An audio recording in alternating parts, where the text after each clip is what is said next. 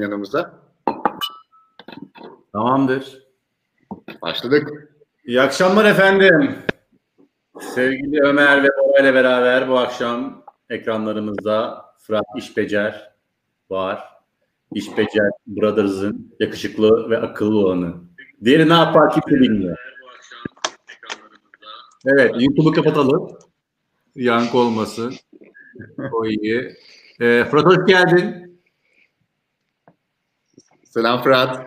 Hoş bulduk Ali. Ee, ne mutlu seni böyle e, görmek Bora ve Ömer. Uzun zaman oldu. Hepinizi çok özlemişim. Çok iyi oldu böyle buluştuğumuz. Aynen öyle. Ancak Sana buralarda buluşabiliyoruz. Tesla ne olacak Fırat? Tesla oldu bile. ne olacağım var oldu. Hayır çünkü seninle ne zaman konuşsak bu iş olmaz, bu batar gider diyenlerdendin eskiden. Acaba hala öyle mi düşünüyorsun? Ee, nereye gider bu iş? 2020 öyle bir Valla 2020 öyle bir sene oldu ki e, inandığımı düşündüğüm her şeye inancımı kaybettim. İnanmadığım şeylere de inanmaya mı? başladım. Heh, onu, o önemli. İşte, bir- evet. Yani şey biraz paradigma değişikliği oldu bu. Herhalde 15-20 senedir oluyor. Ee, ama bu gerçekten bir paradigma değişikliği senesi oldu her açıdan. E, onu onu biraz detaylandıralım. Bu güzel bir giriş oldu. Yani e, çünkü şöyle bir ben bir background'im bu zaman zaman konuştuk ilk daha bu pandemi döneminde işte insan kaynakları nasıl değişiyor, uzaktan çalışma falan yani ve bir sürü insan kaynağı yöneticisinin uzaktan çalışmaya ilgili işte paradigmasının değiştiğini burada konuşmuştuk. Ee, yani bir sürü şey değişiyor. E, sendeki değişen paradigmalar evet Tesla olmuyordu oldu. Başka neler olmuyordu olabilir olabilir de olmayacak. Ee, yani şöyle mesela e, Tesla tabii bu işin biraz e, karikatürü. Yani Bitcoin de aynı şekilde. Ben de Bitcoin e, skeptical yani Bitcoin'e şü- şüpheyle yaklaşanlardan e, biriydim. E, ama bakınca e, bazı şeyleri kaçırdığımızı görüyorum. Çünkü dünyada e, biz bazen bazı şeyleri çok erken görüp e, aslında onun gerçek piyasasını bulmasını e, beklemeden e, kararımızı veriyoruz. Ama bazı şeyleri çok erken görüp yaşamanın da çok büyük dezavantajları olduğunu gördüm. Yani e, biz e, Bitcoin'e e, 2011 yılında e, bir arkadaşımın yani iki, e, iki arkadaşım ev arkadaşıyken hani e, daha do, bir dolarlık birkaç dolarlık e, fiyatlardayken e, konuştuğumuzu ve ya ne kadar ilginç bir şey bak ne kadar e, gelecekte enteresan bir şey olabilir deyip daha sonra hadi canım bin dolar da olmaz ki noktalarından bu noktalara geldiğimiz yani çok erken ekspoze olmak bazı şeylere şeyi kaçırıyorsun aslında. Dünyada insanlarda bir sürü psikolojisi var. Bir konformizm var. Ee, hem iyi anlamda hem kötü anlamda. Bir şeyin gerçekten e, trend olması çok uzun sürebiliyor. Yani biz ilk mobile girdiğimizde de bu Java tabanlı telefonlar, No- Nokia'lar, Mokia'lar olmadı bu iş.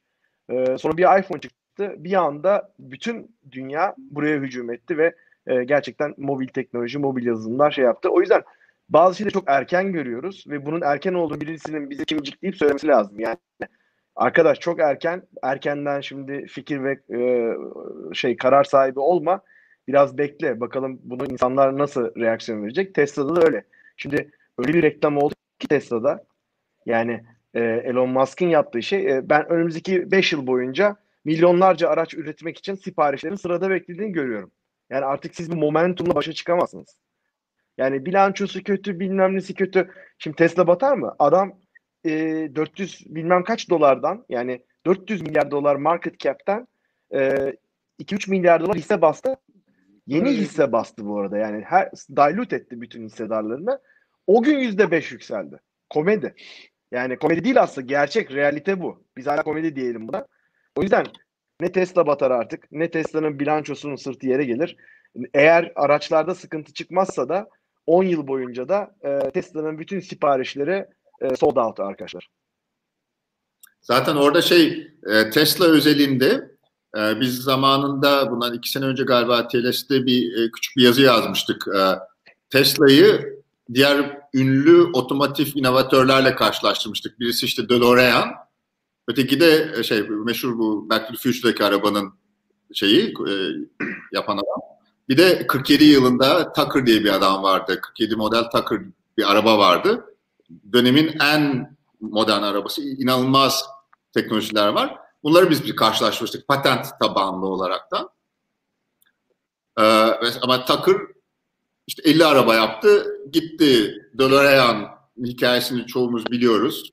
Şey tutunamadı. İşte konspirasi teoriler, e, Detroit mi batırdı gibi bir sürü bir sürü şey var. Sonra kokainden tutuklandı adam. Hani o doğru mu değil mi tartışılıyor. Tesla da o yönde gidecek mi falan derken aynen dediğim gibi ben de çok pek inanmıyordum Tesla'ya.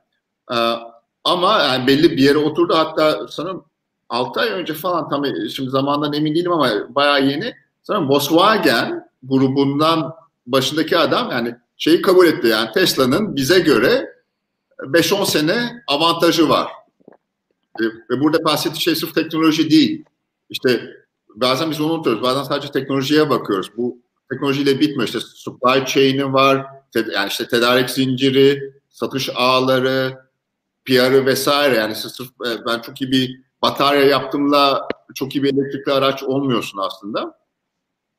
Evet yani ben senin gibiydim. Ben de çok inanmıyordum. Ee, biz ya, bakalım hani matrak bir şey derken adam hakikaten bütün otomotiv endüstrisini değiştirdi. Ama bir sürreal durum yani var. piyasa Sadece değeri açısından değiştirme ötesinde başka bir şey var ama. Çok özür dilerim ya. Hani e, sadece Tesla'nın yaptığı ya da yapmadığı değil. Şu anda bütün ekonomi dünya yani bütün hisse dünyasına bak aynı sürrealizmi görüyorsun ki biraz önce Fırat'ın bahsettiği Bitcoin vesairedeki şey de o yani hiçbir şeyin gerçek değerinden dolayı değerli ya da değersiz diye karşılaşmasının yapıldığını zannetmiyorum. Saçma sapan ne olduğunu bilmediğimiz, bence nereye gittiğini bilmediğimiz bir, bir dünya var. O yüzden ben inanç kısmında yani Tesla iyidir kötüdür de e, ben sizin kadar şey değilim. Tesla oldu demiyorum mesela. Ben Tesla'nın bir günde yok olabileceğini düşünen bir adamım. Bilmiyorum. Ya ama Çünkü bir de şey var. Bugün yaşadığım çok sürreal olduğunu düşünüyorum.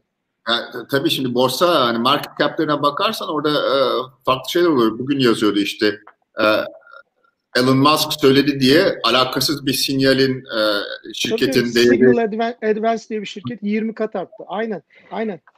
Ve birisi onu yazmış demiş yani bu aslında şey diyor bu 1929'u hatırlatıyor bana diyor. Yani borsa öyle bir seviyede ki böyle bir bir tweetle alakasız bir şirketin değeri bu kadar artıyor. Dolayısıyla düşebilir.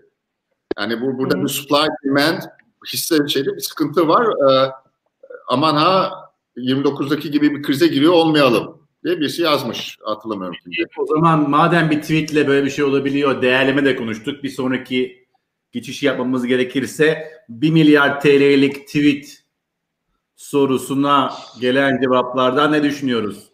Fırat Becer biliyorsunuz yakın zamanda böyle bir tweet atarak girişimcilik dünyasını karıştırdı. Şok şok şok. Nasıl baksam böyle biraz daha şey yapmaya çalışıyorum. Oluyor mu? Birazdan magazin tarafına kayıyor. ne yapayım? Bu kadar çıkıyor bu gruptan. Bu da iyisi. Bora da Bora Bora Bora da ateşi ispito döktü orada. Ee, Valla ben dedim bunu dediler ki ilk gün tweet'e attım. Abi bunu liste yap, liste yap, liste yap. Dedim şimdi uğraşamayacağım listesiyle falan filan. Alttan bir baktım. Sonra bir baktım Ersin böyle çiçek gibi hani uyanırsın. Kar, kar yağar ya hani böyle hani her yer bembeyaz. Bora o karı yağdırdı ve e, çok güzel bir liste yaptı. Şimdi e, yani birçok yayında da bunu söyledim. Biz e, soru sormasını bilen bir kitle değiliz genelde. Böyle ukalayız. E, şey yapıyoruz böyle sürekli böyle nasihat, parmak sallıyoruz falan filan. Bir şeyi merak ettim yani. Öncelikle 1 milyar dolar değil 1 milyar TL daha ulaşılabilir bir değer. Ve e, gerçekten hani bu potansiyelde, bu momentumda olan firmalar yazarlar onun altına. Kendine güvenenler yazarlar altında ve eminim o listeden 2-3 tane de çıkacak diye düşündüm. E, tabii bunu yani sonra sub kategorilerini yapayım mı dedim. Yani işte biyotek firması var mı, işte yapay zeka firması var mı bildiğiniz işte aylık e, dönüşen MRR dediğimiz işte recurring e, gelirinde işte 100 bin doları geçmiş olanlar var mı diye sonra çok da sulandırmak istemedim. O öyle kalsın. E, ileride daha sorularla şey yapabiliriz. Burada iki şey dikkat çekmek istiyorum. Birincisi e, bence çok konferanslar, çok eventler yapılıyor Türkiye'de ama biraz sadede gelemiyoruz. Yani e, bir şirketin değerlemesinin yükselmesi demek bütün parametrelerde başarılı olmuş bir şirket anlamına geliyor aslında. Startup olarak. Doğru yatırımcı, doğru büyüme, doğru ürün, pazar uyumu her şey bir araya gelip de siz anca 1 milyar TL'ye ulaşabiliyorsunuz. Hani bazı biyotek firmaları hariç onlar işte e, ilacı bulduk bulmadık falan filan derken milyar dolar bile olabiliyorlar. O yüzden bu, bunun bence biraz az para konuşuyoruz bence Türkiye'de. Biraz kültürel olarak da eksikliğimiz. Yani bence para konuşmakta bir sakınca yok. Ee, para burada bir araç, amaç değil ama bir şeyin de sonuçta bir ölçüm değeri, bir KPI yani performansını ölçen bir şey. O yüzden öyle çok net ve e, çok da yani genelde alışkın olmadığımız konferanslarda çok sorulmayan 280 karaktere sığan Twitter'ın bütün nimetlerinden yararlanan bir soru sordum. Çok da güzel oldu yani. E, 200 250'ye yakın firma geldi değil mi Bora? Evet, hala da geliyor. Ben bir kısmını da ekliyorum. Ya bana DM'den, LinkedIn'den, şuradan buradan yazıyorlar. Bizi de listeye ekler. Biz de olacağız. Bizi de ekle, ek, bizi nasıl eklersiniz. Ee, o listenin güzel tarafı şu. Birileri Fırat'ın sorusuna karşı şöyle bir şey deklare ediyor. Ben olacağım diyor. Ben. Yani bir milyar kim olacak? Ben, ben diyor. O listeye girmiş bu kadar işte. Ben olacağım demek yeterli. Ben onu e, aslında şey için yaptım. Yani o Twitter'ın e, şey yapısını hiç sevmiyorum ben. Cevap cevap altından başka bir e, sohbet başlıyor. Başka bir dalda gidiyor. Onu oradan takip edemiyorsun. O reply bunun altında değil falan. Bir kayboluyorsun. Dedim bunları bir lineer görebileyim hani böyle üstüne koyayım. Bir de şunu istiyorum, e, istedim daha doğrusu. Girişimciler o ben de yapacağım diyenleri böyle oraya yazıp 3 sene 5 sene sonra bak birader sen bunu yazdın neyine güvenip yazdın bilmiyorum. Ama A oldun B olamadın. Bak ne demiştin ne olamadın veya neyi hedefliyordun nereye gelemiyordun bir, bir yazılı izi olsun istedim. Yani, en, en şeyim oydu. Ee, en e, niyetli olduğum şey oydu. Ama herkes yazıyor. Çok da heyecanlılar. Biz olacağız, biz yapacağız, biz şey edeceğiz. Ee, senin dediğin çok doğru. Hani bugün Ali e, yatırım yapsan herhangi bir şirket yani olarak düşünme. İyimser bir senaryoda kaç çarpanla e, valuation yaparsın? Revenue üzerinden gidiyorum. Ama salla bir şey. Yani bize bir şey versin, bir range versin. 10 diyelim senin için. 10 da 10 desem 1 milyarlık bir şirket için 100 milyon gelir olması lazım. 100 milyon TL gelir olması lazım. 12'ye böyle yaklaşık olarak 80-90 milyon TL, şey 8-9 milyon TL şey yapar. Gelir yapar. Bunun farkına varmak lazım. Bu iş öyle ben yapacağım deyince olacak bir mevzu değil. O metriklerin aslında seni destekleyerek geliyor olması lazım. Bu çerçevede bir şey sorayım ya aslında bu listenin içinde ya da dışında bir sürü yatırımın var. Fırat, nasıl seçiyorsun? Ne yapıyorsun? Bu metrikler ne kadar önemli senin için? Neye bakıyorsun? E, yatırım yaparken aslında üç tane motivasyon var benim e, yaptığım. E, yani birinci motivasyon e, öncelikle bu yatırım e, etrafında bir referans e, yansın, yani yankılanması yaparak e, bana başka yatırımları da beraberinde getirebilecek bir rezonans yaratabilir mi düşünüyorum. E, buradaki network efekt çok kritik çünkü özellikle bazı kritik girişimciler var sizin ekosistemde yatırım yapıp desteklemeniz gereken bu kritik girişimciler ileride daha rol model girişimciler haline geliyorlar ve onların melek yatırımcısı olmak e, çok daha network dışında kalan e, e, girişimcilerin e, melek yatırımcısı olmasının çok daha ciddi katma değer yaratıyor her anlamda. Hem ekosistem anlamında hem melek yatırımcı anlamında.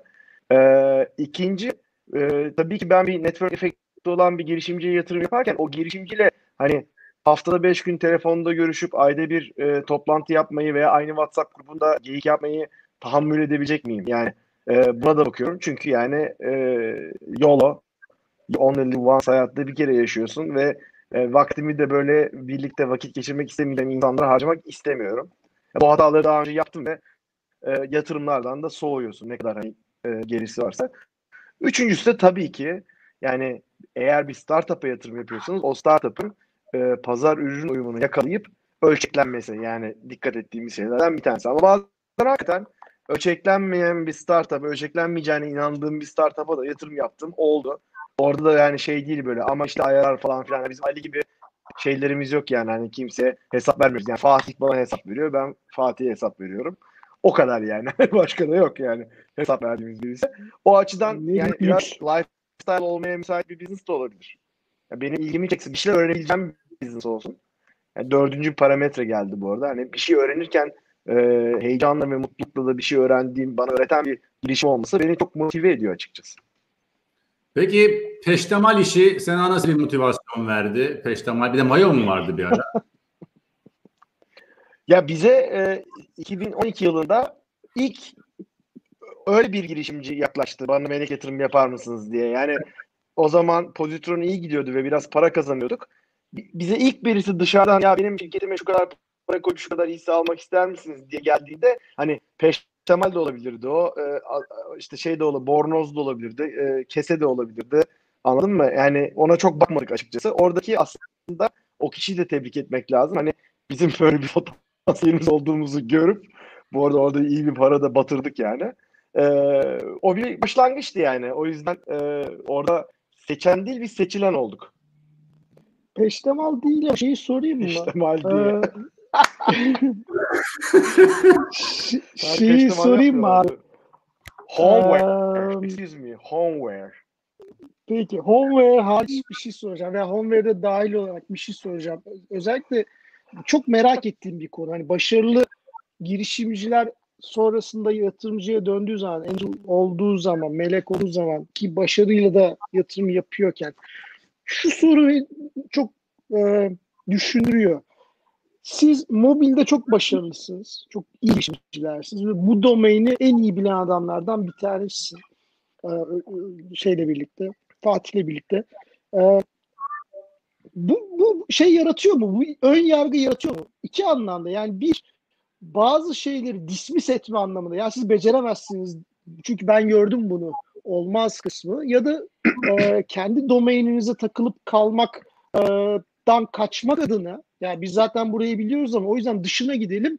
Dışarıdaki hiç bizim alakasız bir domain e, sırf bizim domainin dışında olduğu için çok heyecanlandırıyor deyip gitti. Yani iki anlamda bir e, şey var mı? Bir e, ön yargı var mı?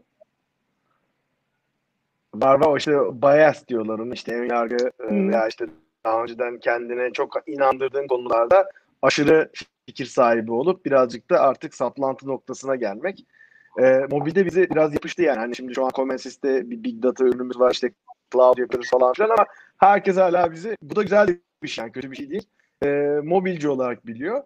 Biz mesela yapmaya çalışıp çok zorlandığımız ve yapamadığımız işlerini birisinin yaptığını gördüğümüzde yapamamıştır canım falan diyoruz lazım. Böyle birkaç tane öyle yatırımı pas geçtiğimizde oldu yani. Yapmışlar. Yok yok yapamazlar. Biz çok uğraştık zamanında onu. Hani biz yapamadıysak onlar da yapamaz gibi. Öyle bir iki tane e, yanlış e, şeyimiz e, yani kendi kendimizi kandırdığımız alan oldu.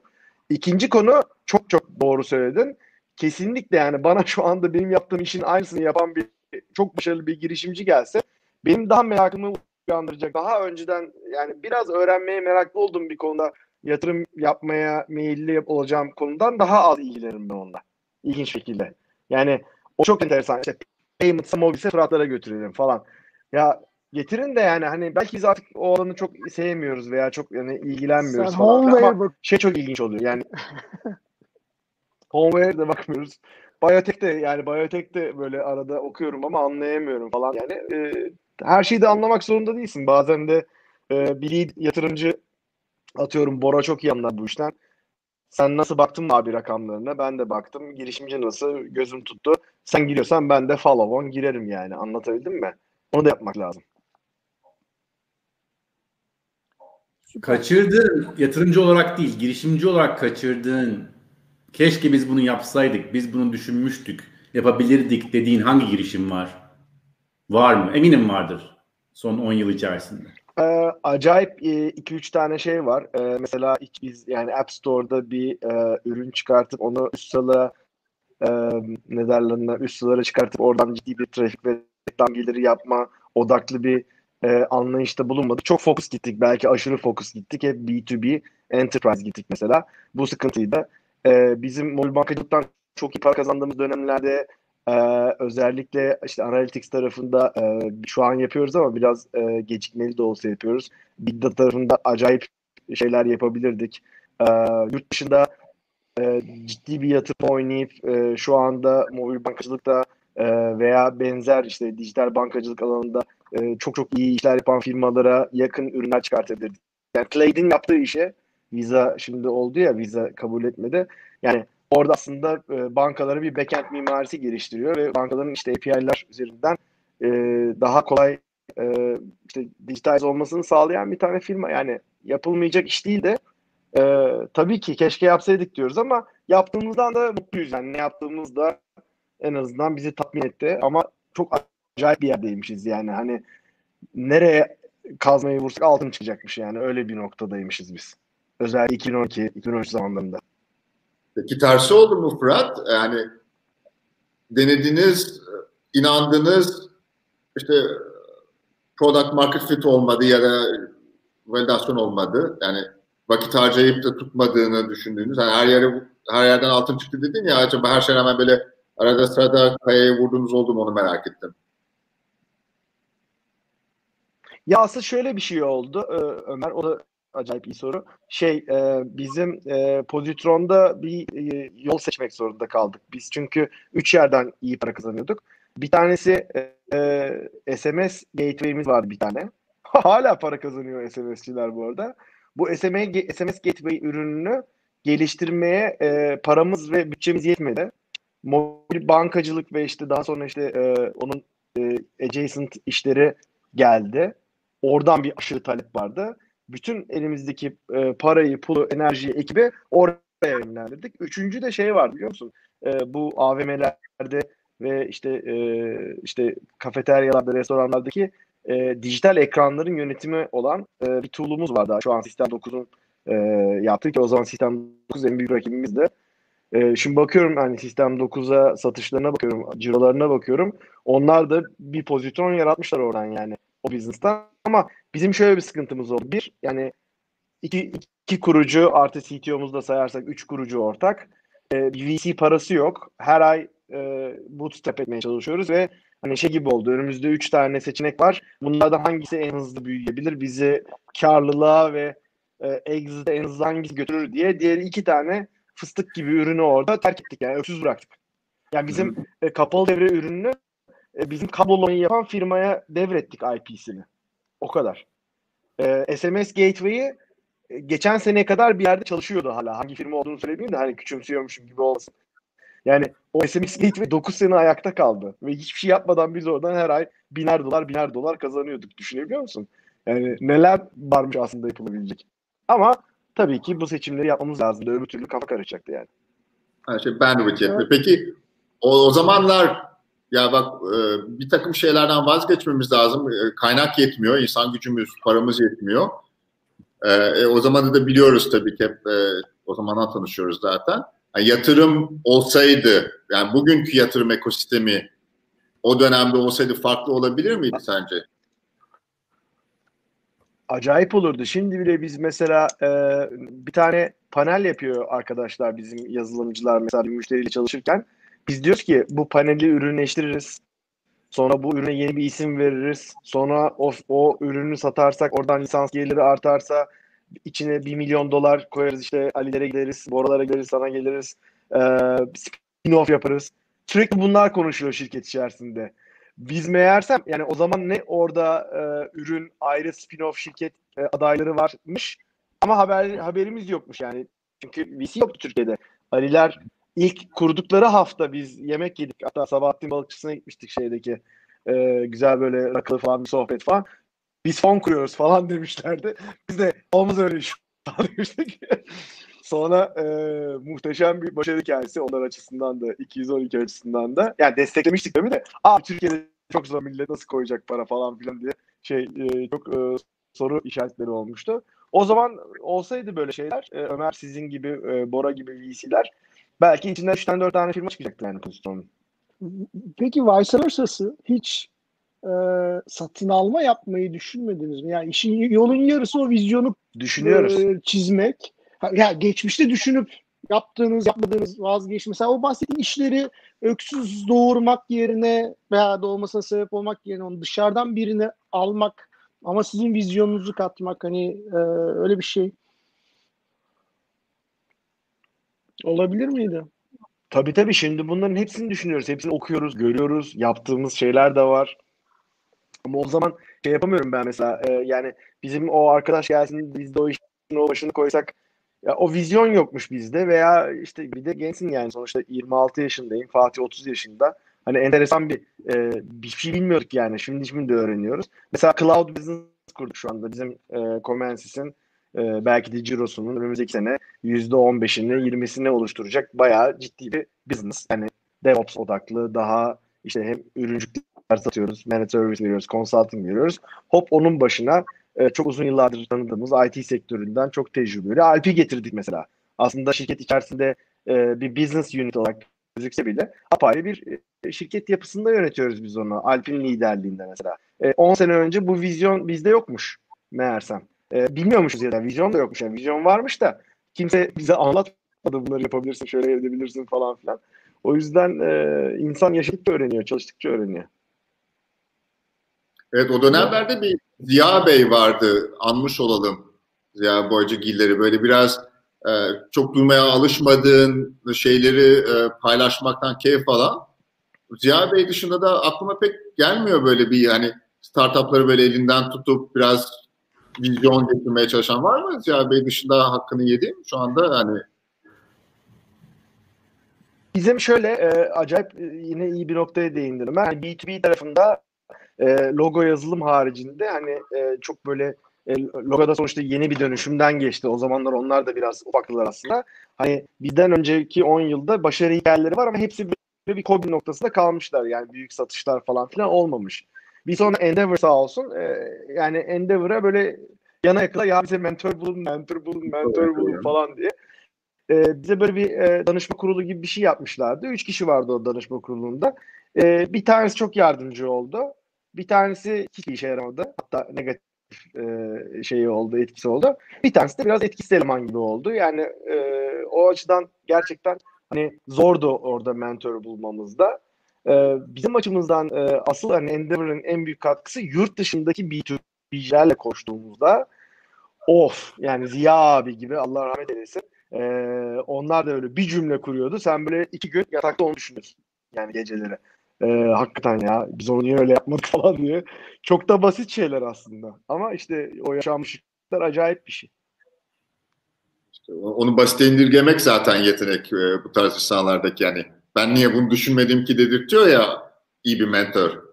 E, zaten mentorun değeri orada oluyor. Peki, anmış olduk Ziya abi.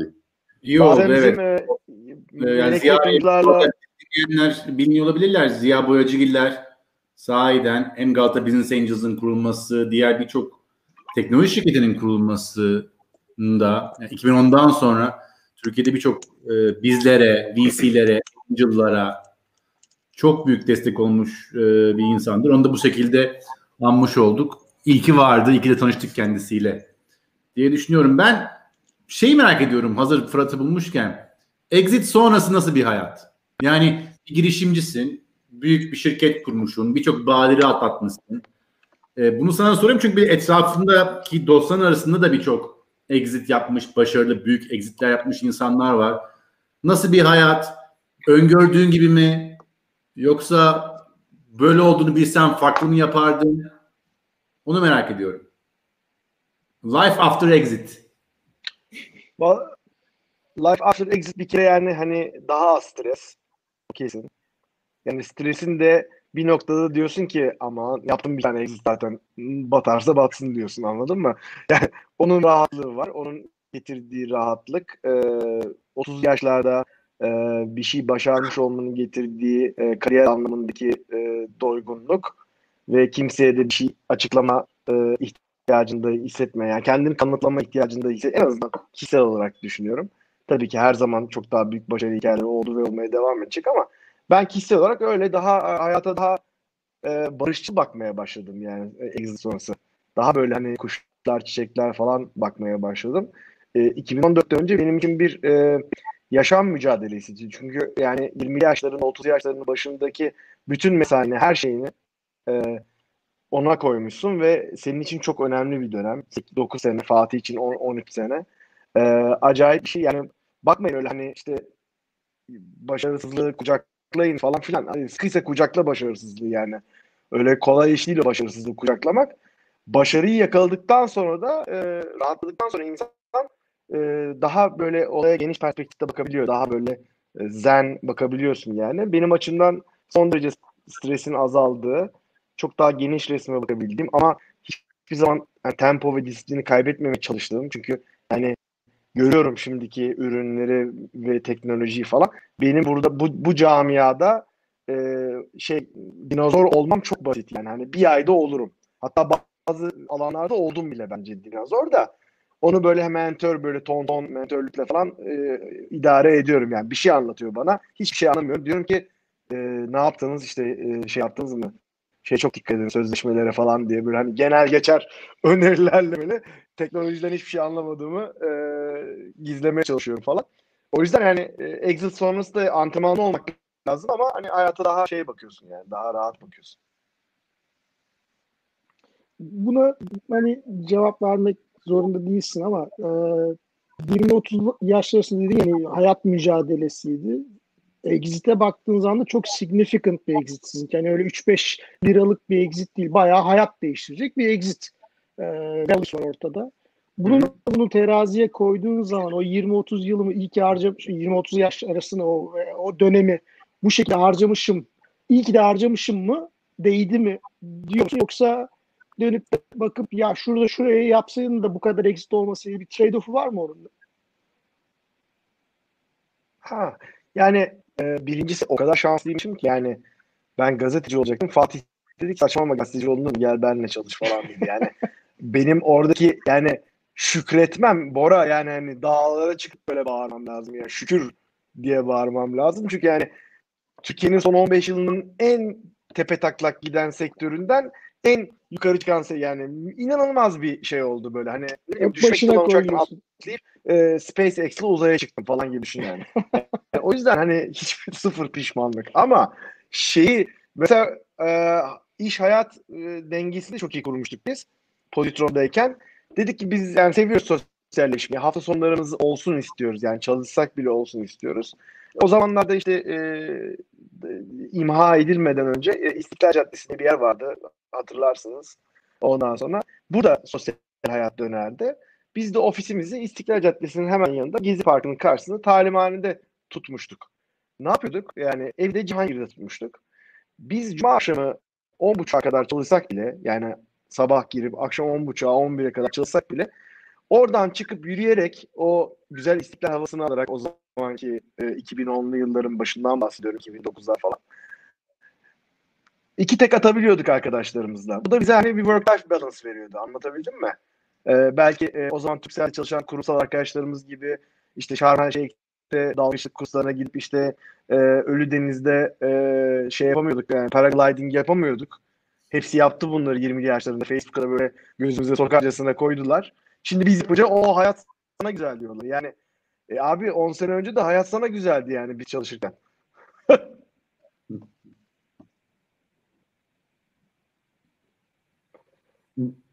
yani pişmanlık anlamında bu. O zaman buna buna bağlı olarak e, bizim bir tane ünlü sorumuz var. Bu sefer ben sorayım o soruyu bari. Aa. 20 yaşlarındaki Fırat İşbecer'e geri dönüp konuşabilsen neyi farklı yapmasını söylerdin?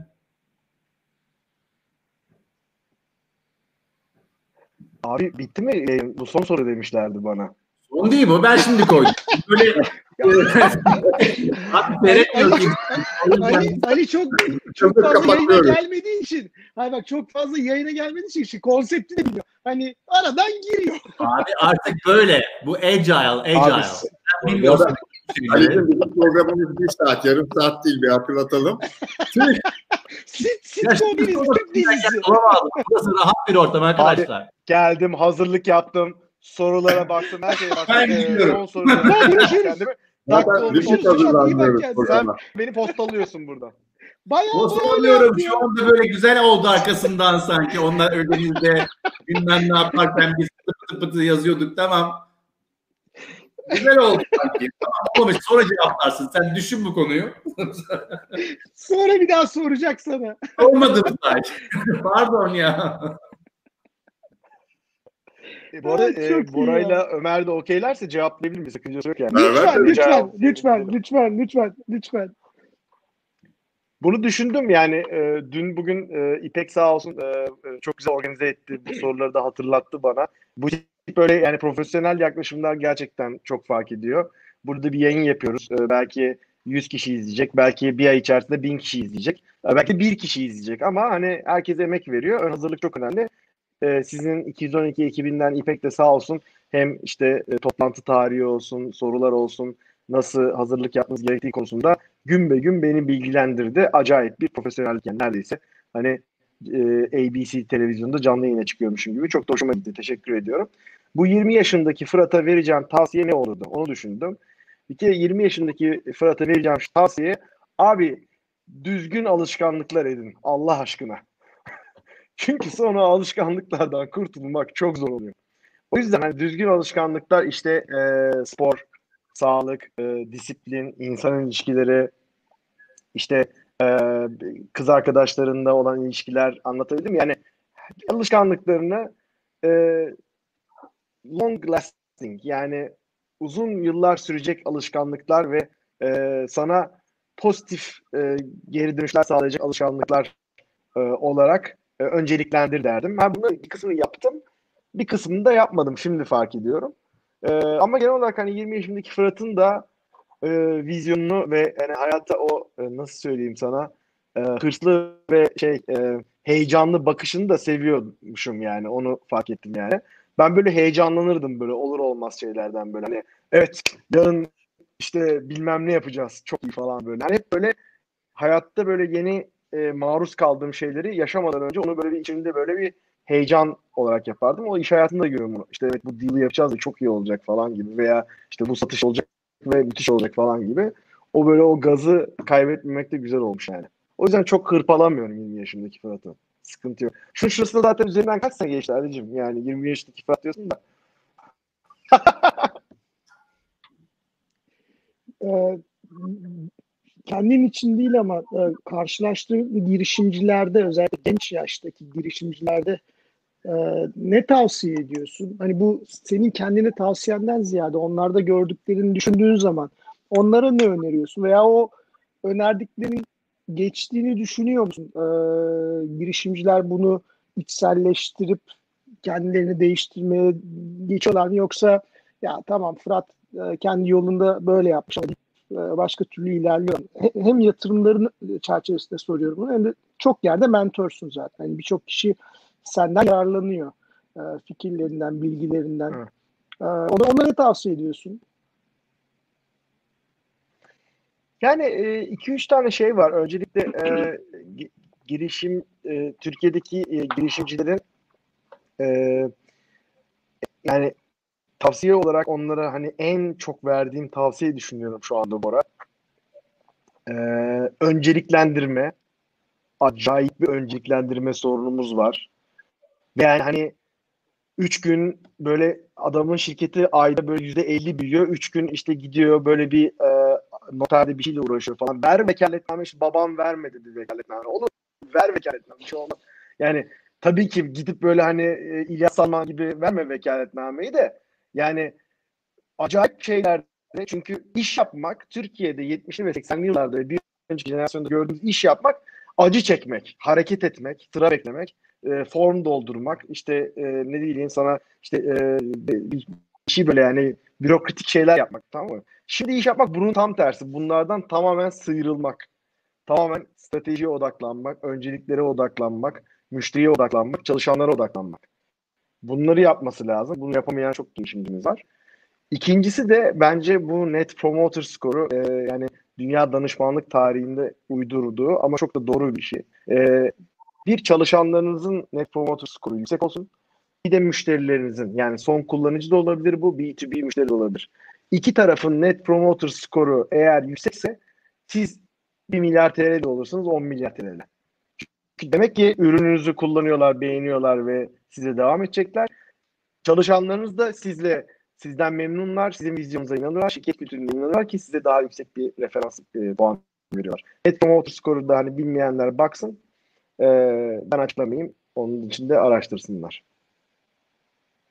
bunlar ne kadar geçiyor? Yani ya girişimcilik ekosistemi, girişimciler çerçevesi, ekosistem nasıl bir laf? Hani bilmiyorum da ta, karşılaştığın girişimcileri, Türk girişimcisini biraz e, değerlendirsene. Hani çok genelleme her zaman herkes belli genellemelere sığmıyor mutlaka ki outlier'lar var ama sence geçiyor mu bahsettikleri? Yani, e, e, ne kadar açıklar e, girişimlerini almaya, e, feedback, e, aldıklarıyla yeni bir şey yapıyorlar mı? Hani ne görüyorsun averajda? Türk, Türkiye bence maalesef e, olmaması gerektiği şekilde beşe bölünmüş vaziyette. Yani öncelikle Koç Üniversitesi kampüsünde büyüyen bir girişimci var. E, çocuk zaten e, şeydeki gibi böyle Boston'daymış falan gibi geliyor bana anlatıyor. Türkiye'nin hiçbir gerçeğinden haberdar değil. Hiçbir şekilde umurunda da değil. Zaten SaaS firması kurmuş. Yurt dışına satış yapıyor. Müthiş yani bu çocuk e, zaten Amerika'da doğmuş büyümüş gibi geliyor bana. İşte Koç'un kampüsünde büyümüş. Burssuz olabilir burada. Burssuz yani diye şey yapmıyorum yani. Bu Boğaziçi'de olabilir. Bazı ODTÜ'lü arkadaşlar, İTÜ'ler. Bunlar böyle hani biraz e, play'in çemberinden vazgeçmiş tayfa. Bunlar böyle acayip global şirketler kurma konusunda son derece e, batılı muadilleriyle yarışır. Aynı vizyondaki insanlar. İkincisi bir Türkiye'de dayak yemiş girişimciler var. Onlar böyle Türkiye'nin operasyonel yüklerini aşan, sorunlarını çözen girişimlerde çok başarılı oluyorlar. İşte tedarik zinciri, lojistik, e-ticaret falan böyle. Hani e-ticarete sen o koçlu çocuğu koyamıyorsun çünkü yani kötü bir örnek oldu yani. Ben de Robert'liyim, Robert'li diyeyim bari. Robert'li çocuğu koyamıyorsun belki e-ticarete çünkü herif gidip böyle depo depo gidip böyle e, kavga dövüş alması lazım. Ama oraya e, işte şey Anadolu Lisesi mezunu e, işte gitmiş böyle üniversitede endüstri mühendisliği okumuş e, falan çok böyle Amerika görmemiş ama acayip iş yapan adamlar e-ticarette takır tukur iş yapıyorlar böyle. Hani o yüzden böyle bir segmentasyon şey gibi değil de bu yani insanları kategorize etmiyorum ama o yüzden hani o girişimciyle başka yani başka türlü bir e, şey var, sıkıntısı var. Öbür girişimcinin başka türlü sıkıntıları var ama iş kollarını doğru seçtikleri takdirde hepsi alanlarında çok başarılı olabiliyorlar. Şey, bu arada biraz soru alalım mı? Birkaç tane soru gelmiş. Alalım. Orada şey var. Ekranda. Ha, bana mı söylüyorsunuz? Ali'ye sorsana. Evet, evet yani işte normal. Genelde evet sana söz ben de bilmiyorum çünkü cevabı. Ali sever şey... Ebit'te falan böyle. Ebit. Bora da sever. Ebit'te Melit'te. Ben bayılırım. Arkadaşlar şey, çok hızlı bir şekilde şirket değerlemesi yaparken Euro ve EBITDA çarpanı neye göre belirleniyor? Normalde biz e, kendi adıma konuşuyorum 212'de e, sizin sektörünüzde sizin seviyenizde yani bu ciro bu büyüme hızındaki benzer şirketlerin e, değerlemesine bakarak buradan bir istatistik çıkararak size de ona göre bir e, değerleme biçmeye çalışıyoruz. Ha bu hiçbir şekilde tek doğrusu olan doğrusu olan bir şey değil ama en azından sizinle bizim ortak bir noktada e, buluşmamızı sağlıyor diye şey yapıyorum. E, nasıl çarpanlar var? İşte demin konuştuk. Software service çarpanları var. Ciro bazında giden. İşte marketplace çarpanları var. E, yine e, geçen GMV dediğimiz e, rakam üzerinden geçen EBITDA çarpanı var. Bu sayeden EBITDA'sı olan yani FAVÖK e, olan şirketler için geçerli. Fırat'ın işi öyleydi. Yemek sepeti keza öyleydi. Ha, yüksek çarpanlardı değil mi? 20 ekran da şarkı sizinki diye hatırlıyorum ben. Ee, böyle şeyler var. Ee, o yüzden o, dediğim gibi olduğunuz sektöre göre, yaptığınız işe göre, onun olduğu e, stage'e, e, duruma göre bir range, bir aralık yaratmaya çalışıyoruz. Böyle oluyor bu değerleme denen egzersiz. Tek bir yöntem yok ama değil mi öyle? Tek bir yöntem yok. Doğru bir yöntem yok. Amaç sadece iki tarafı e, ortada buluşturacak bir e, rakama ulaşmak aslında. Asla doğru bir şey yok. Herkesin kafasında bambaşka rakamlar var. İyi ki de öyle çünkü bundan dolayı birisi al, alıyor, biri satıyor, başka birisi daha yüksekten, başka birisi daha aşağıdan teklifler verebiliyor. Ya da birisi birisi zinhar bu fiyattan yani biraz aslında öbürü onun 5 katından falan girmeye kalkışıyor. Çünkü aynı şeye bakıp biri başka türlü değerliyor. Unutma ki bugün atıyorum e, ben Comensis'e baksam bambaşka bir değerlemeden gireceğim. Çünkü paramın değeri bambaşka, ihtiyacım olan getiri bambaşka. Comensis'in eminim çok büyük rakipleri vardır. Dünya çapında olan çok çok büyük vardır. Onların bakıp onlarda göreceği değer bambaşka olacak. E, çünkü Comensis içine girdiği zaman birçok farklı domino efektine sebep olacak. O yüzden bir tane değerleme diye bir şey asla yok. Alıcının ve satıcının ortada buluştuğu doğru değer, işlemin olduğu do- değer doğru değerdir. Ben öyle bakıyorum olaya. Evet, o bizim fikri Seven mülkiyette de öyle oluyor. Ha pardon pardon Ömer lütfen. Yok her şey bir- bizim fikri mülkiyet konusunda da öyle oluyor. Yani bir sürü hesap sistemi var. Yani bir patenti değerlediğinde şirketi değerlemek gibi genellikle zaten bir projeksiyon yapıyorsun ileriye dönük. Çünkü referansın yok. Ee, ama her zaman hep bizim de söylediğimiz aynı şey. Neticede neyi müzakere edip anlaşıp imzalarsan işte neticede değer o çıkıyor. Ama bir masaya oturacak bir referans gerekiyor. Bir- Bir de sen söyleyince aklıma geldi. Hatta biz e, Ali Fatih ben değerleme konuşmuştuk. Bir yıl, bir yıl kadar önce pandemi öncesinde şeyde kolektifte. O zaman Ali'nin söylediği e, güzel bir nokta vardı. Herkesin bir doları da aynı değil. E, Fırat'ı ben yatırımcı olarak, bir melek olarak istiyorsan Fırat'ın bir doları bende bir dolar olarak işlemiyor. O yüzden değerlemesi de farklı çalışabiliyor. Çünkü Fırat'ın getirdiği katma değer atıyorum bu oran çok daha yüksek. Network'üyle, iş bilgisiyle vesairesi. O zaman illa bu hani herkesin doları aynı, herkesin değerlemesi aynı değil. Kimle masaya oturuyorsun, kimden ne kadar para alıyorsun, kim ne kadar katma değer sağlayacak, ben ne istiyorum, neye ihtiyacım var. Yani 1 milyon dolarlık işte senin e, Ömer'in işleri gibi IP heavy, çok böyle deep tech bir şey yapıyorum ve bana 1 milyon dolar lazım daha anahtarı çevirmek için. Ama birileri bana çok güzel al sana 50 bin dolar diyorsa onu da almamak lazım. Hani e, gibi bir bir, bir parametre var.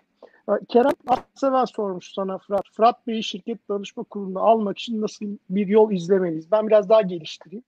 E, herhangi bir şirkete e, yatırım yaptığın zaman ya da yapmadığında danışma kurulu, yönetim kurulu e, ve vesaire e, ne yapıyorsun? Giriyor musun bu bu tür şeylere, e, engagement'lara?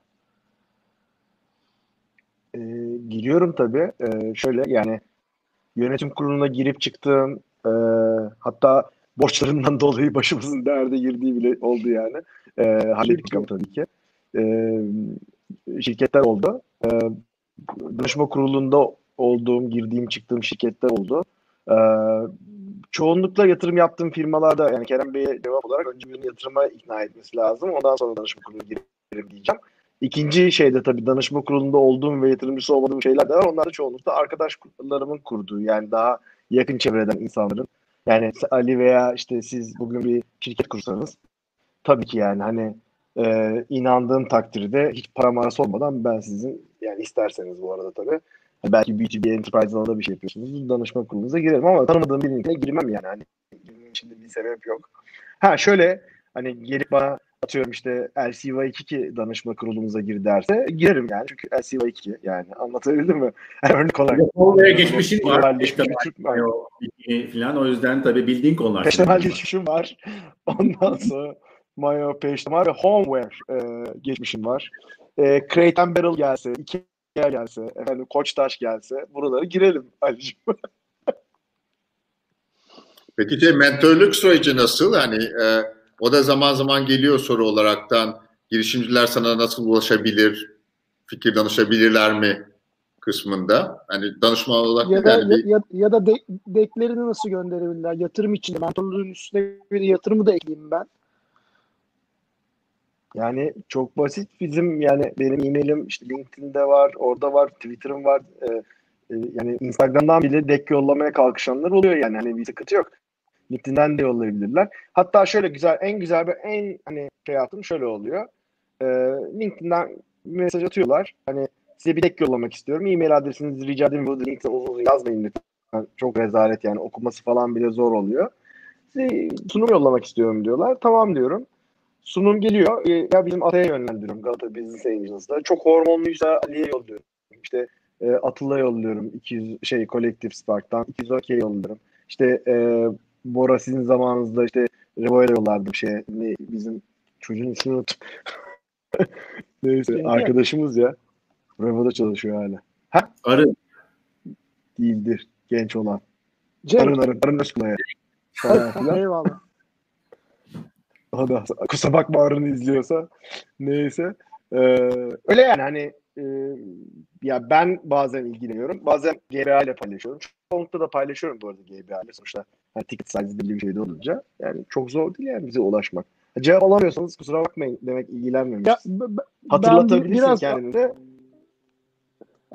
cümleyi hani duymaları için soruyorum. Biraz hani çok hani bil, soru, cevabını bildiğim bir soru ama hani insanlar böyle çok ulaşamıyoruz edemiyoruz falan öyle bir şey yok yani Fırat'la da ulaşabilirsin. Nereye ulaşabilirsin? Biraz niyet edip e, biraz hani e, doğru yöntemle eli yüzü düzgün bir şekilde yaptığın zaman kaç tane yatırım oldu Fırat? Aktif yatırımcısın yani. Buradan şey yapıyorum. 0532 falan vermişim. Hakikaten toplam kaç oldu? E, Valla batanlar dahil böyle e, küçük yani çok ufak ticketlar da var yani e, o 10-15 bin dolarlardan çok daha yukarılara gidenler var. Ama hani e, batanlarla birlikte 60 civarında bir rakam var şu anda yatırım olarak. Ya 60 Ama çok yatırım yapan diyenler aktif. hani hakikaten işte Ali'nin de baktı. Lütfen devam et böldüm. Var var sayayım ben sana kimler olduğunu. Evet, o yüzden Ee, evet. Hasan Hani insana şunu anlasınlar. Ee, e, yatırımcı gerçekten yatırımcı kimliğine büründüğü zaman senin gibi 60 tane yatırım yapmış bir adam şeyi açık, kanalları açık, duymaya hazır. Çünkü yatırım yapmaya niyetlisin. Hani şey yapmıyorsun, kaçınmıyorsun. Yani Türkiye'deki o şey algısını girişimlerdeki çok kırmak istiyorum her karşılaşma. İşte biz ulaşamıyoruz, biz görüşemiyoruz, bizle ilgilenmiyor. Az önce güzel bir şey söyledin. Diyorum işte eğer ulaştığın zaman bir şekilde cevap alamıyorsan ilgilenmemiştir yüksek ihtimalle. Cevap belki dönememiştir vesaire ama 60 tane yatırım Bir yapan de yani ilgisini bir, e, sorgulamamak lazım. Hani bir one pager yani bir iş planı bir teaser falan olmadan yani bu iş olmuyor arkadaşlar. Yani bilmiyorum ben çok eski tabii. eski kafalıyım ama hani tabii ki beni yarın Ömer arasa Fat ya bir projem var abi konuşalım mı dese hani abi hemen ne zaman buluşuyoruz hiç, ne, dek var mı falan demem tabii sonuçta 40 yıllık arkadaşım aynı zamanda daha önce çok başarılı işler yapmış bir insan ama hiç tanımadığım bir adam bana hani sizinle bir gün bir kahve içmek istiyorum. İstemiyorum ben seninle kahve içmek falan. Ya ben öyle cevap Ali, veriyorum. Ben Ali daha kahve beter bu konuda bu arada. Şu an gülüyor ama Ben cevap veriyorum. Kahve iç- içmek istemiyorum sizinle diyorum. Bozuluyorlar ya. Vallahi bana bana da geliyor. Yok, ben içmek kahve içmek ben istemiyorum istemiyorum yazıyorum. ben günde iki tane kahve içen adamım. Yani bir tane sabah içiyorum, bir tane öğlen içiyorum. Yani hafta sonu bana kalsın, hafta içim var. Yani şöyle topu topu 10 kahve içiyorum ben gün şey haftada.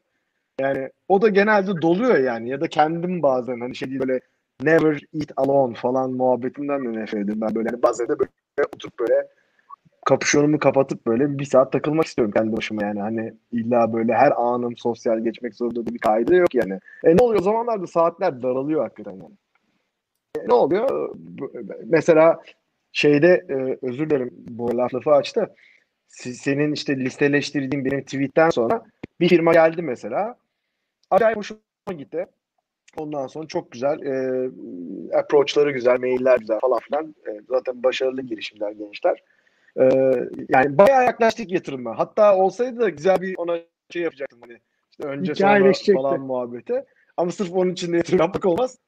Son dakikada e, şey yaptık ama mesela inanılmaz bir süreç oldu orada yani. İşte çat bir tane tweetten ulaştınız bana kısaca. Sonraki soru. Buyurun Ömer. Oo, bir, bir saat daha yapalım o zaman yayın.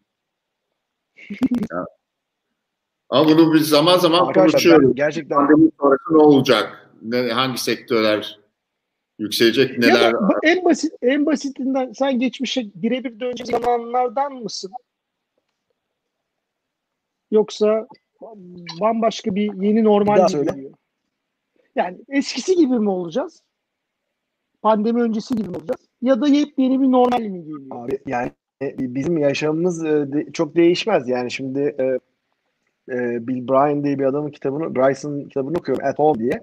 İşte İskoçya'da Neolitik dönemden ev buluyorlar. Evine ev. Yani girişte hol var, mutfak var.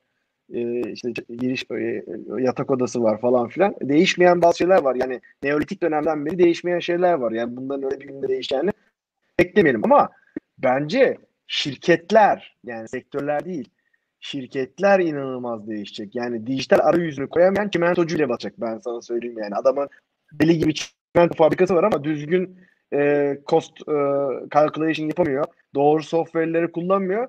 Onu da biri satın alacak, e, gidecek Amazon çimento olacak belki. Yani bunun farkında değiliz biz. Yani bu software değil yani teknolojiyi çözen adam, teknolojiyi çözen adam etrafındaki her şeyi hükmetmeye başlayacak. Şu an onu görüyoruz zaten. Şu anda sektörler falan değişmiyor ki. Bir tane adam yani bir Apple, bir Microsoft, e, bir e, Facebook topluyorsun market cap'leri 4 trilyon dolar. Bir tane Google ekliyorsun sana 5 trilyon dolar.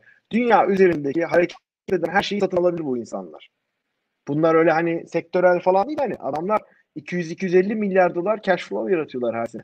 Bunu da satın alacaklar zaten sene. O böyle işte iPhone'dan seni dinleyerek falan değil zaten para kazanıyor adam. Yani o yüzden şeyin farkında değiller yani sektörler değişecek değil. Oyuncular değişecek. Sektörler zaten dijitale doğru gidiyor. Yani teknoloji geliyor. Her yerde gelecek. Bir gecede de uyanıp böyle her şey elektrik veya self driving olmayacak ama Tesla gidecek. Yüz küsür yıllık General Motors alacak. Niye? Çünkü teknoloji oyunu daha önce çözdüğü gibi. O yüzden ben diyorum ki en disruptive sektörlere girmenize gerek yok. Gidin abi klasik bir sektöre gidin. Restorancılık olur, işte ne bileyim bakkalcılık olur, çakkallık olur, herhangi bir şey. Git orada teknolojiyi rakiplerinden daha iyi kullan. Hepsini satın alırsın yani. Emlakçılık yap, daha teknolojik emlakçılık yap, hepsini satın alırsın. Bak benim kiradaki arkadaşlarım mı daha çok para kazanıyor? Evini Airbnb'den veya VRBO'dan veya Booking.com'dan verenler mi? 5 katını kazanıyorlar. Şu anda Airbnb'den verenler. 40 bin lira 50 bin lira kira geliri var adamın iki tane daireden. Öbürü böyle 40 yıldır bir de kiracıyla her gün kavgalı. Adam çıkmıyor etmiyor bilmem ne. Airbnb'ci bir hafta sonra zaten sen istemesen bile gidiyor. Olaya bak herif. Yani aynı sektör. O da emlak sektörü, o da emlak sektörü. Bir ne yapmış? Teknoloji kullanmış. Yani yeniliğe kapalı değil, açık. O yüzden hani olay biraz daha farklı bence. Yani, so, son bir soru alalım mı? Ee, Ekim bir şey sormuş. Onu şey yapalım. Hı, Ekim aynen. Dağlar. Eski e, eski yatırım e, yatırımcı dostları yani yatırım yapmıştım Ekim'in e, şirkete. Şu anda da e, Londra'da bayağı başarılı işler yapıyor. Selamlar öncelikle. E, Communist ofisi artık evet şimdi e, zaten ofislerin bence Soho House'laşacağı bir döneme giriyoruz yani gibi geliyor bana. E, biz ofise döneriz. Yani e, kısmen yazın döndük sonra geri tekrar kapattık ama e, döneriz ama yani eskisi gibi böyle herhalde e, full kapasite dönülmez gibi geliyor bana.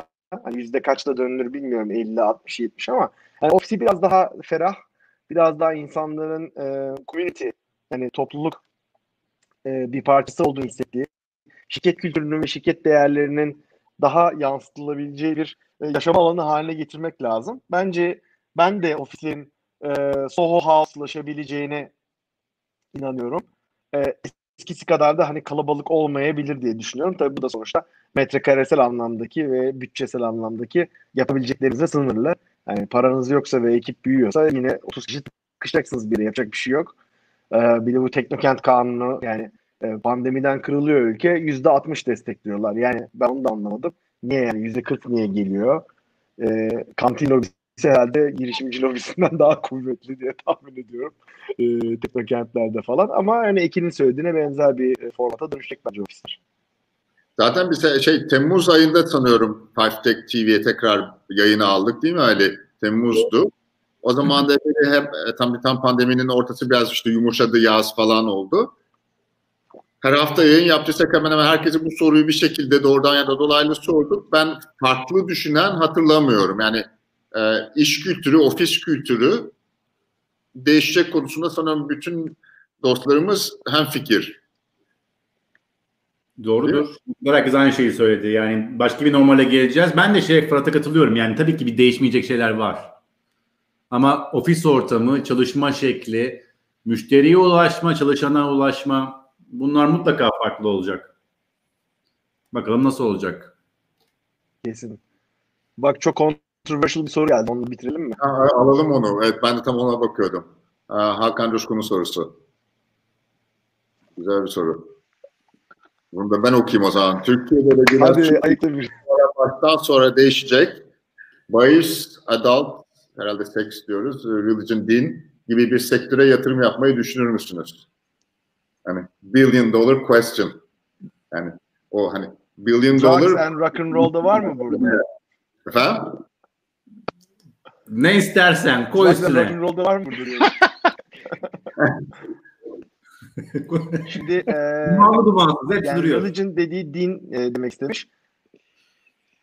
E, şöyle hani e, zaten bence işte astroloji olsun, e, yoga olsun, efendim mindfulness falan filan. Bunlar böyle hani e, seküler hayattaki insanların e, yeni çıkardığı inan, inan- inanç sistemleri. E, tabii bazıları daha bilimsel, bazıları astroloji gibi tamamen uydurma.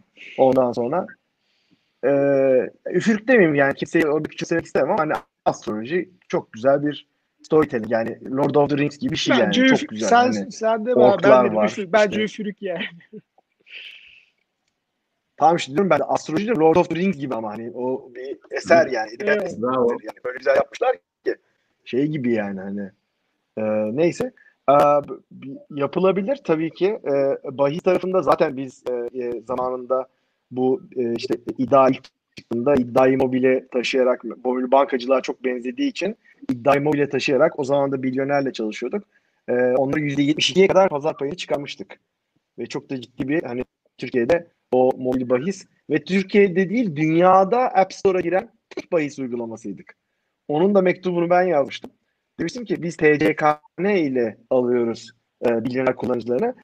Türkiye'de bunlar lisanslı bir bahis sitesidir. Türk vatandaşları dışında kimse kayıt olamayacağı için App Store'da olmalarında bir sakınca olmadığını düşünüyoruz. Değil mi? diye. Ondan sonra onlar da okey dediler ve bizden sonra Türk e, bahis sektörü e, İngiltere'deki ve Londra'daki konferanslarda biz App Store'a nasıl girdik diye e, çok sevgili Sayın Kaya'nın e, eski CEO'sunun e, bir case study hikayesi var. Bir konferansta söyledim dedi. Amerika'daki bütün betçiler hepsi kafama başıma üşüştü. Bir daha hiçbir konferansta bahsetmedim App Store'a girdiğimizden dedi. Bu da böyle Türkiye'de bir ilktir. Adult e, OnlyFans diye bir şey var biliyor musunuz arkadaşlar? Yok hayır. It's the next trillion dollar bir Ev- evli arkadaşlar bilmez tabii. Neyse e, ben üye değilim bu arada. Şimdi Tabii, next tabii. trillion dollar business ne derseniz ben size OnlyFans'di. E, çok yani bence hoş değil ama yani eskiden böyle hani işte telefonundan e, çıplak fotoğraf at işte kadın erkeğe erkek kadına fark etmez bu arada. Cinsiyetçi değiliz. E, Çok ayıp. diye böyle muhabbetler. Şey, ne oldu? Niye el kol yapıyorsunuz? Konuşun yasak mı? Biz bilmiyoruz bu dünyayı. Senden öğreniyoruz. Abi yok anlatıyorum sana. Bir, yani 1 milyar dolar cirosu olan bir şirketten bahsediyorum sana. Dinleyin beni. OnlyFans'ı anlatıyorum size. Bunu monetize etmiş adamlar. Diyor ki işte erkek. Ben diyor sana e, işte erotik bir fotoğrafımı atılırım ama 2 dolar atacaksın bana diyor. Payment sistemi kurmuş. Stripe ya da başka bir şey üzerinden. Tam olarak hangisinden Stripe galiba kabul etmiyor adult content'i. E, ve aslında bir online e, Marketplace. Go Go Dance strip kulübü gibi bir şey yaratmışlar. OnlyFans'in 2020 cirosu 1.2 milyar dolar. Bu arada bu GMV falan değil yani. Hani net cirosu yani adamların. Veya GMV neyse whatever yani. Siz duymadınız bile ismini. Yani böyle bir enteresan bir şey. E, Hakan'ın sorusuna cevap olarak söylüyorum bu arada. Yani OnlyFans bana gelseydi dekle herhalde yatırım yapardım Hakan'cım diyorum kısaca. Ama tabii e, şey regülasyon önemli yani illaki böyle biraz hani riske işleri düşünmeyelim işte Uber'in e, macerasını devam ediyor hep beraber yaşadık yani regülasyona tabi olup olmadığı belli olmayan bir iş modeli e, yani belki küresel anlamda çökmeyebilir ama hani işte e, bugün açılmış anladığım kadarıyla Uber'in e, ulaşımı tekrardan e, diye okudum da detaylarına hakim değilim. Limitli. T, T plakaları yapıyor sadece. Ha işte yani işte bir şekilde yapıldı ama yani gerçek Uber iş modeli mi? Hayır değil. Ama bir başladı gitti yani şey e, herhangi bir şekilde regülasyonun çok da hızlı değişebileceği bir yerde hani çok nettir, yasaktır, yapmazsın. e, izin vardır. İşte Hollanda Hollanda'da bir şey yapıyorsundur. E, ot da satarsın çünkü kanunen izin veriliyor. E, ortada kaldığı yerlerde ya da ülkenin böyle çok çabuk rota değiştirebildiği bir yerde tabii orada bir hukuki risk, regülasyon riski her zaman vardı. Bu değerlendirme yaparken dikkate alırsın hukuk riskini değil mi? Regülasyon riskini. Tabii tabii yani zaten bu Ömer senin uzmanlık e, alanın. Hani ben orada demek istediğim şuydu. E, regülasyon da fırsatı beraberinde getiriyor. Mesela e, bizden örnek vereceğim. Biz bir e, mobil bankacılık ürünümüze ek olarak e, e, Fatih e, bizim CTO Mete ile oturup e, bir authentication ürünü tasarlamışlardı. Bildiğiniz aslında tek kullanımlık şifre. E, bu RSA tokenlarını veya cep telefonunuza giren tek kullanımlık şifrelere bir aplikasyon veya işte mevcut aplikasyon içine bundle ediyorduk. Şu anda cep anahtar, e, garanti, e, cep şifrematik olarak bildiğimiz şeyler aslında. Ama bundan 11 sene önce e, gerçekten hard tokenlar üzerinden yapılıyordu. Biz bu ürünü yaptık, kimse satamadık. Sonra regülasyon değişti. Bir gecede Türkiye'de tek kullanımlı bankacılığa login olurken tek kullanımlı şifre zorunlu diye bir yasa çıktı. Ya Kur'an çarpsın biz o yasaya hiçbir şeyimiz yok yani. Hani söylemedik biz o yasayla ilgili bir ne lobi yaptık ne bir şey yaptık. Bizim haberimiz yok bir artikel geldi ve bir anda biz 12 13 bankaya sattık bunu. Bir gecede. Yani bir gecede sürmedi ama 3 ayda. Yani hayatımızın en hızlı satış cycle olduğunu hatırlıyorum o şeyin. Hala hala kullanılan bir ürün bu arada. Üzerinden 11 sene geçmiş olmasına rağmen. Çok enteresan fırsatları beraberinde getirebiliyor ama çok riskli Ömer yani tabii regülasyon. Ama Zaten... sen Türkiye'de 200 milyon doların üzerinde lütfen. Türkiye'de 200 milyon doların üzerinde ciro, yani 200 milyon dolar üzerinde değerlemeye ulaştığın noktada zaten sen Türkiye'de regülatif veya herhangi bir şekilde birinin radarına giriyorsun. Yani işte e, yemek sepetiysen komisyonların Twitter'a düşüyor. İşte trendi olsan tekelciliğin konuşuluyor. Hepsi burada insan müşteri hizmetlerin falan filan. Yani bunlar da beraberinde bazı regülatif önlemleri de getiriyor. Çünkü Türk tüketicisi bakmazsa kuvvetli bayağı çok konuda. E, o yüzden yani birazcık da bu kaçınılmaz gibi yani. Ha, biraz risk toleransına bağlı yani soru şey değil yatırım yapar mısın? yatırımcı olaraktan ala ala e, risk e, toleransına bağlı olaraktan tabii ki e, risk yüksekse olası getirisi de o kadar yükseliyor klasik. Evet efendim. Kapatıyor muyuz? Bize ayrılan sürenin sonuna geliyoruz. Ben sorumu sorduğum için şu an sormam gerekmiyor. Yarım saat önce yapmışım. Tabii şey pavlon köpeği gibi soru gelmediği için şimdi kapatamıyoruz biz. Erken sordun soruyu. Hadi 10 yaşındaki Fırat de. 10 yaşında. 10 yaşındaki Fırat ne derdin sevgili Fırat? Bugün gittin, geri gittin bir aletle. 10 yaşındaki Fırat duruyor karşında. Bütün gün dayak yiyor abisinden. Ne derdin kendisine? Bekle derdim. Birkaç sene sonra sen de karşılık vereceksin derdim. ya biraz bekler, daha biraz daha bekle derdim. Birlikte çok güzel işler yapacaksınız derdim. Çok evet. güzel. Ne mutlu size. Evet. Aynen. Peki efendim. Kim o zaman Bora kapatsın. Güzel ben açtım sen kapat. Hadi ben kapatayım. Fırat e, ağzına sağlık. İyi ki geldin. Çok güzel bir sohbet oldu bence. Birçok kişi hem seni yakından daha yakından tanıdım. Seni tanımayan olduğunu zannetmiyorum ama hem de çok keyifli, çok böyle e, bizim de çok eğlendiğimiz bir sohbet oldu. Teşekkür ederiz. Arkadaşlar hepinizi dinlediğiniz, izlediğiniz için teşekkür ederiz. Biz gidiyoruz haftaya tekrar. Bir aksilik olmazsa buradayız. Kendinize iyi bakın. Çok teşekkürler. Teşekkürler. İyi akşamlar herkese.